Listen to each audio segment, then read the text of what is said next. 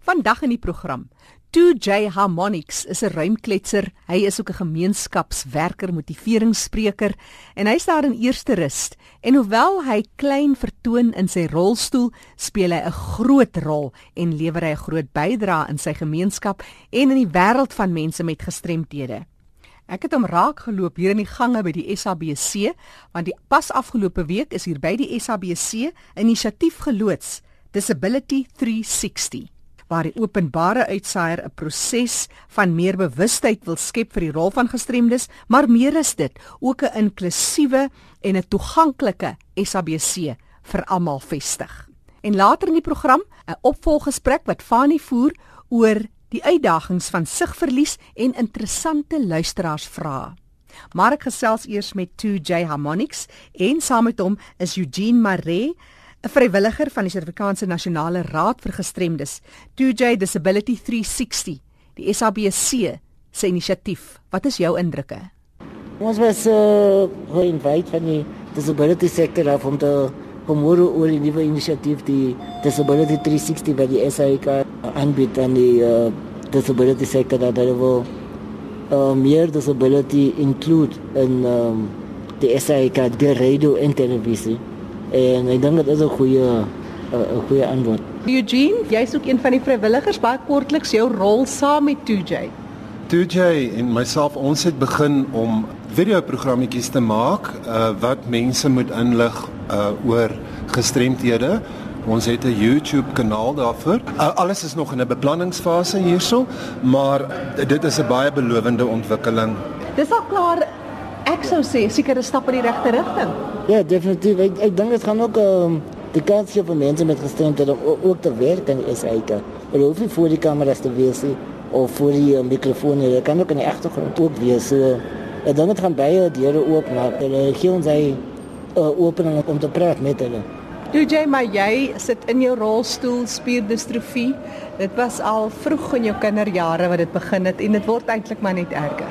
Ja, dit is dan meer gesê elke jaar as ek weer wat ek swakker word depreciation het nou gestop en dit is nie meer so baie maar soos ek sê seker die uh, God wat goed is wat wat wat het stop het so ja. maar as ek nou kyk en jy praat nou van die fisiese wat agteruit gaan is daar niks verkeerd met jou tong nie. Ja definitief. So ons uh, 'n pastoor intel gesê het spier dit vir uh, tasse spiere aan. En die tong is self 'n spier So at least met tong werk nog so. Dit werk nog baie goed ja. Maar jy is besig met baie interessante inisiatiewe daar in Eerste Rust in Soweto. Vertel ons as gestremde, vir gestremdes, met gestremdes en sommer met jong mense. Jy's ook 'n ruimkletser. Dit is ook 'n poet ons het uh, 'n poet inisiatief in Eerste Rust begin. Ons het ook 'n YouTube show Casual Fridays waar ons met mense met gestremdheid praat en is different gestremdheid is om nie mense beter te doen of iets ook mense educate. Dan mense is gewoon as jy hoor praat van gestremdhede, dink dit aan die rolstoel of doof of blind. Hulle weet dit as uh, invisible uh, disabilities. Wat ek ook genoem het, ook as iemand op 'n rolstoel is, mense dink ook dat hulle ook kan dit afgepraat word. Jy kan so 'n uh, kind kan jy op die kop vryf of iets. Maar ek is 'n groot mens. Daar mense dink dit is reg, maar vir my is dit reg. Ek kyk daar is etiket en ek hoop met die inisiatief wat SAIK begin het as er meer uh, gestremdheid op die uh, televisie en radio is, mense gaan meer uh, verstaan. Met al die awareness van uh, HIV en AIDS, mense is nog meer bewus oor dit en ek hoop dit gaan dieselfde word met gestremdheid. Ja. Eugene, wat is van die uitdagings wat jy uitsonder? Die grootste probleem is eintlik dat gestremdheid as 'n welsyns probleem of dat welsyns oplossings gesoek word vir gestremdheid. Dis 'n baie groot probleem, die inklusiwiteit en deelname. Ons moet aanvaar dat daar 'n deskriptiewe woord is, disability wat vir ons beskryf en mense moet diferensieer. Maar daar's 'n verskil tussen beskrywing en definisie. En met al die mense wat ek gepraat het en interaksie gehad het oor die laaste ruk met gestremthede, hulle weier om hulle deur hulle gestremdheid te definieer. Dit is wel 'n beskrywingsfaktor. Een van die groot stappe vorentoe sou wees as ons 'n departement het van toeganklikheid en nie as sosiale ontwikkeling gesien word nie. 'n Departement van toeganklikheid kan mense mobiliseer. Gestremdheids aangeleenthede is ook aangelede van mense wat nie gestremd is nie. Dis is 'n interaksie mense met gestremdheid is nie 'n afsonderlike geïsoleerde groep in die gemeenskap nie. Hulle is al klaar deel van gemeenskappe. Ons het byvoorbeeld 'n voorbeeld gehad van Lee, Lee L. Daar was nie huisbakke by haar college nie. Mense het haar opgedra in haar rolstoel. So die bouregulasie is nie toegepas nie. Dit was nie toeganklik nie, maar mense word die brûe en dit is mense met abilities. En dit is hierdie ding, die eiland van gestremdheid. Eugene Maree en 2J Harmonics. Jy is ook baie betrokke by die Loslit inisiatiewe. Wat sonder jy uit 2J? Wat 'n baie lekker jaar met uh, Loslit dag met alles wat ek besig is en ek kan nog meer doen. 'n baie baie positiewe ding wat uit Loslik dag gekom het is en ek meen ek wil nou nie provinsialisties so raak nie, maar die blou bulle, hulle het betrokke geraak en ons moet daai footprint so groot as moontlik kry en dit was 'n wonderlike ding dat ons 'n baie groot organisasie gekry het wat ingekoop het in Loslik dag. Gestremdheid in 'n baie baie baie groot mate het met isolasie te doen en men, om mense agter te laat. Ek dink persoonlik is ek in 'n baie groter mate gesensitiseer as meeste ander mense en jy kan nie eintlik verwag dat die algemene mens wat nie blootgestel is aan gestremdheid daardie selfe intense ervaring, jy weet, die groot ding vir my was ek moet altyd mense agterlos. Uh ek het met iemand geskiet by die see by Mosselbaai en daar was hierdie muur en dan as jy oor die muur is dan vreeslike groot klippe. Ek sê goed, ek wil gou 'n paar skote gaan skiet, maar ek moet hom agterlaat. Ek moet hom agterlaat. Jy weet Maar dis daai fisiese Dit daai fisiese wel dit is baie meer as dit want want die punt is wanneer mense gaan kyk na ehm um, dowe mense Onthou dit is mense wat 'n taalvermoë gehad het. Hulle kon hoor. Hulle ervaring van die wêreld is baie meer traumaties as iemand wat doof gebore is wat nooit kon hoor nie. Dis 'n baie groot verskil. Die isolasie van daardie mense, dit is verskriklik. En ek bedoel as 'n mens kyk uh, na tronkstraf en die tipe van ding, eensame afsondering is die grootste vorm van straf. Die mees geharde kriminele word op daai manier gestraf. So ja, die afbreek van iets, maar dis baie moeilik. Ja, maar dis baie moeilike ding want ja. Eugene Maree wat passievol raak oor die bewustheid wat gekweek moet word. Toe jy suksesse was daar, wat is jou wens en jou droom net vir vir Suid-Afrika waar 'n inklusiewe gemeenskappe is en dit maak nie saak of jy wit of swart 'n rolstoel of doof of blind of maak nie saak of jy groot of klein of vet of maar is nie. Ag so ek sê, ehm um, van my keer in Kaapstad, ek het altyd wens die way die daar het altyd die transport uh, uh, uh, inclusive en hoe accessible is die transport in uh, Kaapstad en ek wens ek kan eendag hier uh, Gauteng kan wees. Ek meen ek kon oral gaan so. Ek wens die hele Suid-Afrika kan in so is. Daar gaan uh, accessibility en transport accessibility en SAIK die broadcaster accessibility en tot dan vliegtuie in.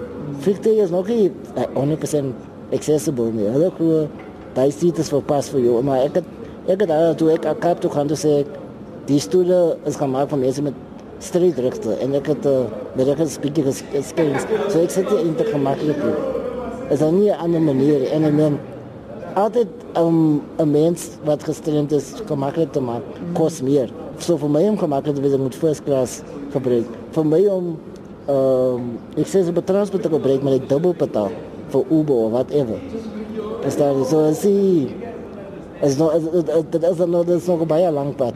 So gestremdheid en gestremdes is nog eintlik 'n beslommernis, lyk dit. Ja, baie baie baie so. Eugene so laaste woord ten opsigte van die akkommodasie wat dan eintlik ook in die VN konvensie onderskryf word vir die regte van mense met gestremdhede. Wat sou jy sê? Want die punt is dit gaan oor toegang en daar is nie toegang tot ontwikkelingshulp nie. Jy sien dit is ook 'n eh, die probleem van ongelykheid.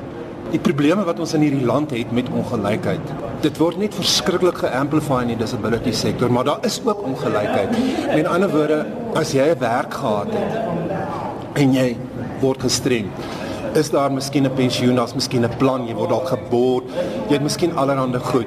Iemand wat werkloos is, wat in die straat is, wat omgery word, wat daai selfe disability het, hy sit met 'n heeltemal 'n ander situasie in 'n lewe. So daar's ook hierdie ongelykheid binne disability en ons moet al hierdie goed probeer adres. Kyk, is 'n baie komplekse ding want binne disability het mense nie toegang tot opleiding nie of hulle het nie voldoende opleiding gehad nie. Nou hoe hoe moet hulle deelneem? Jy sien uh, daar is soos byvoorbeeld die National Empowerment Fund en wat ook al. Daar's baie inisiatiewe om mense te help om besighede te vorm en die DTI en daar's al hierdie inisiatiewe mense met disabilities kan nie deelneem nie. En is nie dat die DTI sê mense met disabilities kan nie deelneem nie. Maar die punt is wat doen hulle om dit toeganklik te maak? Wat doen hulle om uit te reik? En dit is een van die goed wat ons by die Nasionale Raad nou wil doen is Ons wil die DTI en die NEF na die mense toe vat. En hulle sê dit is hoe die befondsing werk. Dis wat jy moet doen. En ons wil ook probeer om mense aan te moedig om koöperatiewe te vorm wat nie net uitsluitlik mense met disability is nie, want dit gaan oor inklusiwiteit. Daar's nie twee ekonomieë nie. Daar's nie 'n ekonomie vir die, die uh, gestremdheid. Daar's een ekonomie wat almal aan moet deelneem en ons moet daai ekonomie toeganklik kry. Dis die hele ding. Die stem daarvan Eugene Maree, 'n vrywilliger by die Suid-Afrikaanse Nasionale Raad vir Gestremdes, en hulle was deel van die bekendstelling van Disability 360, 'n SABC inisiatief vir die vestiging van 'n inklusiewe gemeenskap hier by die SABC vir almal. Jy kan kontak maak met 2J Harmonics, sy e-posadres 2J, dis die syfertjie 2 J die letter Harmonics met 'n X op die einde by gmail.com. Ek herhaal 2J Harmonics by gmail.com. Kom ons sluit aan by kollega Fanie de Tooi waar interessante luisteraarsvrae vandag beantwoord word oor sigverlies. Oor na jou Fanie. Baie dankie Jackie. In vandag se program gesels ek met professor Andri Stilton. Welkom by RC professor. Vertel vir ons net meer oor jouself. Ek was vir 31 jaar betrokke by die Universiteit van die Vrystaat waar ek hoof van die oogafdeling was en die laaste paar jaar werk ek nou hier in Kimberley ook eers in die staatshospitaal en nou by 'n private hospitaalgroep Medikliniek hier in Gariep in Kimberley. Professor, ek het baie luisteraars vrae ontvang en ek het hulle probeer saamgroepeer in groepe om seker te maak dat ons dan die meerderheid vrae dan kan antwoord. Die eerste vraag wat ons ontvang het, wat moet ek maak as ek nie tevrede is met die geneesheer se hantering van sê nou maar my oogtoestand nie? Goed, in so 'n geval moet 'n mens altyd onthou dat 'n pasiënt die reg om inligting te bekom. En as 'n pasiënt ongelukkig is, geen dokter besit 'n pasiënt nie. Die pasiënt het daai reg om 'n tweede opinie te kry. So 'n pasiënt kan dan vra om verwys te word na iemand anders of 'n pasiënt kan sy eie keuse gebruik en iemand anders gaan sien, maar 'n pasiënt is geregtig om nog opinies in te win en as hulle nie gelukkig is met 'n dokter se hantering nie. Dis 'n pasiënt se basiese reg. Baie dankie dat ons jou kan gesels oor hierdie uh, vraag wat ons ontvang. 'n Ander vraag is wat moet ek maak as ek nie met my dokter self kan praat nie? So 'n bietjie asof daar 'n afstand is. Wat is jou mening oor dit? Dit is ongelukkig nou die tendens van die moderne lewe Dokters raak baie besig in hulle spreekkamers wanneer hulle pasiënte sien of hulle sien die teater en dit is 'n frustrasie vir pasiënte wat gereeld die dokter wil bel om te sê maar dokter ek verstaan dit nie verduidelik dit vir my en dan kry hulle nie die dokter in die hande nie. Ek dink hulle moet net hoflik bly en daarop aandring vir die sekretaresse sê maar ek is nie tevrede met die behandeling wat ek kry nie of ek dit vra en asseblief sê die dokter deur na my wanneer kan ek hom bel? Wanneer is dit geleë vir hom? Maar ek moet self met hom praat. Dit is weer eens 'n basiese ding. 'n dokter moet vra van sy pasiënte antwoord. Ongelukkig word hulle oorval met vrae tussenin. Daar's min tyd maar ek dink dis die reg van 'n pasiënt om met sy dokter te praat as daar iets is wat hom pla. Professor jy het in die vorige program eh, die kwessie van kanker aangeraak en toe het iemand gevra wat moet ek maak as ek dan met kanker gediagnoseer word? Ek voel dat 'n pasiënt die reg om nog menings te kry want dit is 'n groot is iets wat uitgespreek word oor jou om as jy hoor skielik die woord kanker dan slaan jy baie keer toe hoor niks verder nie want dit is uh, amper 'n doodsvonnis. Maar deesdae is daar baie hulpmiddels beskikbaar en 'n dokter moet verduidelik wat is die voordele van behandeling? Wat is die nadele? Wat is die prognose om die siekte toestand te beheer en wat is my kanse vir oorlewing? Al daai vrae moet 'n dokter antwoord, maar ek self in so 'n situasie sal graag nog opinies bekom om seker te maak wat is daar wat dokters vir my kan aanbied. Ek het nou die dag 'n interessante storie gelees in die koerant van 'n 90-jarige vrou wat hierdie diagnose in Amerika gekry het en toe sê sy sê baie dankie, ek gaan nou reis. Toe sê die dokter, "Wat bedoel jy?" Toe sê sy, "Nee, ek gaan nou reis." En toe sy gegaan en sy die hele Amerika deurkruis, sy het 'n kanker gehad, sy het besluit sy gaan nie behandeling neem en siek word van die bestraling en die immunoterapie nie. Sy gaan die lewe ten volle geniet. Sy het op rollercoasters gegaan, sy het die dieretuine besoek, sy het 'n vol lewe gehad die laaste jaar van haar lewe en dit is ook 'n keuse van 'n pasiënt. As hulle voel ek gaan die laaste tyd voluit leef, dan is dit hulle reg. Dokter kan hulle raad gee, maar op die ou end moet 'n pasiënt self besluit en om dit vir hulle en die familie maklik te maak, is dit beter om goeie opinies te kry en nog ander mense se raad ook te vra. Dis professor Andri Stilting wat met ons gesels en ons doen so opvolgprogram uit vorige programme en uh ou kinders het vir my geskryf en iemand skryf wat moet ons maak? Iemand se ouer is 'n pensionaris en uh operasie kan nie bekostig word nie. Wat maak ons nou? Dit was nog 'n algemene vraag wat ek gekry het na ons vorige praatjie. Mense sê vir my ek is 90 jaar oud. Ek kry 'n inkomste van 1200 rand 'n maand. Ek moet daarmee my verblyf betaal. Ek moet my kos betaal en nou het ek 'n operasie nodig. Ek dink ek het katarakte en wie kan my help? Ek het nie geld daarvoor nie en ek word blind en ek is bekommerd daaroor. En my raad is, daar is 'n program, ons noem dit Right to Sight waar mense in Oktober maand gewoonlik vir 'n week lank teen 'n laer koste opereer word by verskeie staatshospitale en ook die private sektor help daarmee om operasies gedurende daai week teen 'n beskostigbare prys te doen. So hulle kan my kontak in daai geleentheid. Ek sal vir hulle uitvind waar is die naaste hospitaal waar hulle gehelp kan word sodat ons hierdie mense ook kan help want dis vir hulle 'n groot en 'n wesenlike probleem. So hou pen en papier by die rand aan die einde van die gesprek gaan ek vir professor Andri Stilden vra om sy kontak besonderhede deur te gee. Professor, dan die kwessie van kinders en siggestremdheid op skool. Natuurlik gehoorverlies is natuurlik ook 'n groot uitdaging, maar kom ons kyk na siggestremdheid. Die kind sukkel op skool, hy kan nie vorder nie. Sy ma wat skryf, wat moet dan gebeur dan is agterkom hierdie kind kan nie vorder as gevolg van dan siggestremdheid. Dit gebeur nogal dikwels dat ouers vir my kontak om te sê hulle het 'n kind wat gestremd is maar hulle is bereid om vir hierdie kind te sorg die res van hulle lewe.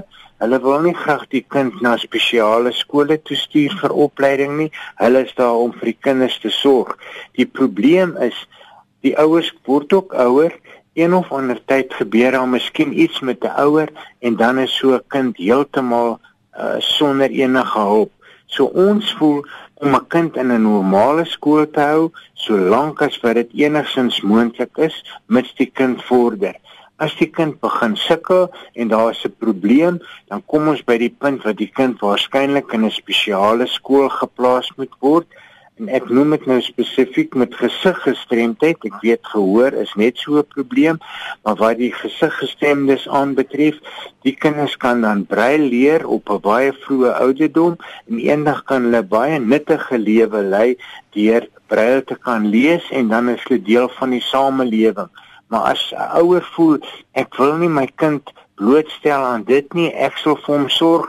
Die probleem is net iets kan met hulle oorkom en dan die kind geen opleiding gekry nie. So as ons by daai brug kom wat hy nie meer vorder by die skool nie en hy moet na 'n spesiale skool gaan, dan sit dit in die kind se beste belang en dan kan ons reëlings tref want daar is skole vir kinders wat heeltemal blind is en daar's ook uh, skole vir kinders wat net lae visie probleme het. Hulle sien nie 100% nie, maar hulle sukkel op skool en dan moet ons hulle kan help. Professor, dis 'n interessante vraag. Iemand sê as ek nou nie meer lus is om 'n bril te dra nie. Ja, dit gebeur nou nogal dikwels. Mense werk in 'n kantoor en daar's twee dames wat gegaan het vir hierdie horingvlies operasie met die excimer laser. Hulle kom terug en hulle sê ons sien nou fantasties sonder 'n bril en hoekom gaan jy nie ook nie? Is jy nou bang om te gaan? So dis nou groepsdruk, maar dis nou onder volwassenes en nie onder kinders nie.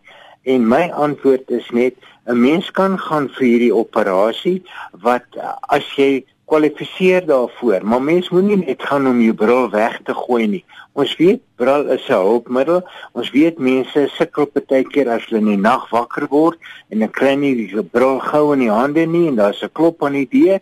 So die ons weet die mense is afhanklik van hulle sig, maar ons voel jy moet jou operasie verdien.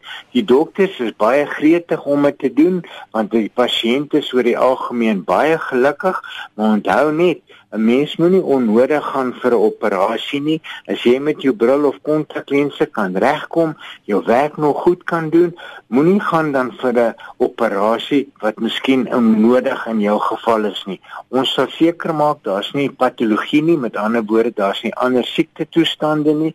Die oë is in 'n goeie toestand en of 'n mens kwalifiseer en daar's baie goeie chirurge reg oor die land wat die beste raad kan gee wanneer dit gedoen moet word.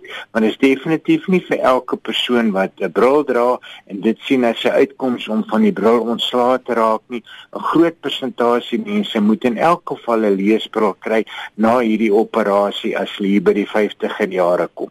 Professor, wat kan ek doen as ek ontevrede is met die diens wat ek byvoorbeeld in 'n hospitaal ontvang? En die ander is wat doen ek as ek tevrede is? So kom ons sluit die program positief dan daarna af en dan sien ons jou kontak besonderhede deur as 'n pasiënt ontevrede is met 'n uh, diens wat 'n pasiënt kry, al die hospitale wat ek van weet, het so 'n klagtesisteem wat 'n mens kan kla, die kos is te koud, die kos is te warm, die kos kom te laat. Dis een probleem. Die ander goed is hulle gee nie my behandeling op die regte tyd nie of wat al gebeur. Daar is sisteme waar hulle definitief 'n klagte kan lê en dan onder word die saak altyd ondersoek want vir ons kom pasiënte eerste ons wil hê hulle moet 'n aangename verblyf hê tydens hulle besoek aan 'n hospitaal. En hoekom ek dit noem van die tevredenheid as mense tevrede is dan sê hulle gewoonlik niks nie. So as ons nie enigiets hoor nie dan neem ons aan almal is tevrede. Maar dit is darm lekker as iemand die moeite doen om ietsie te skryf in 'n koerant of net 'n beriggie deur te stuur of net te sê ek het baie lekker gebly daar by julle, hulle het goed na my gekyk, die diens was uitstekend. Dis darm lekker om sulke terugvoer te kry. So pasiënte kan kla as hulle nie gelukkig is nie, maar nieteendeel, dis ook lekker as iemand uh, sê dat hulle tevrede was met hulle diens. Ja, nou dit is inderdaad waar.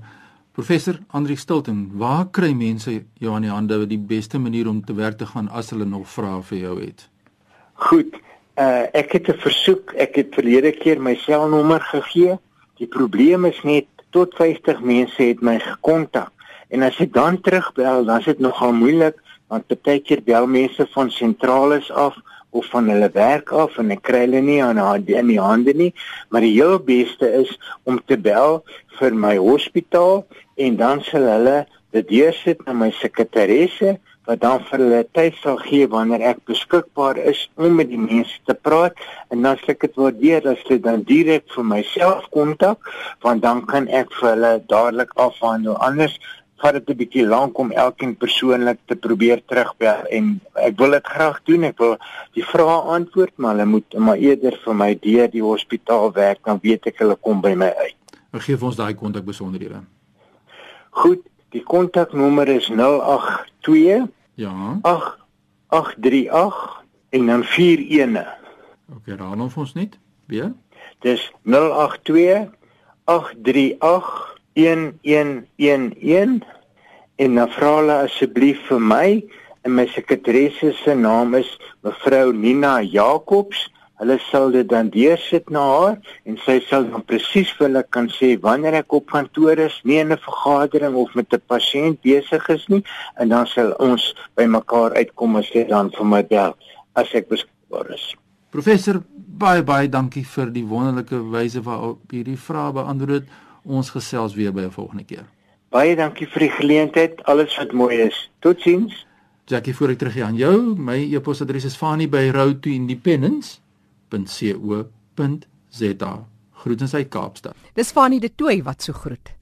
Onthou vir enige navrae of terugvoer kan jy vinnige SMS stuur na 34024. 'n SMS kos jou slegs R1. Groete van my Jackie January. Tot 'n volgende keer.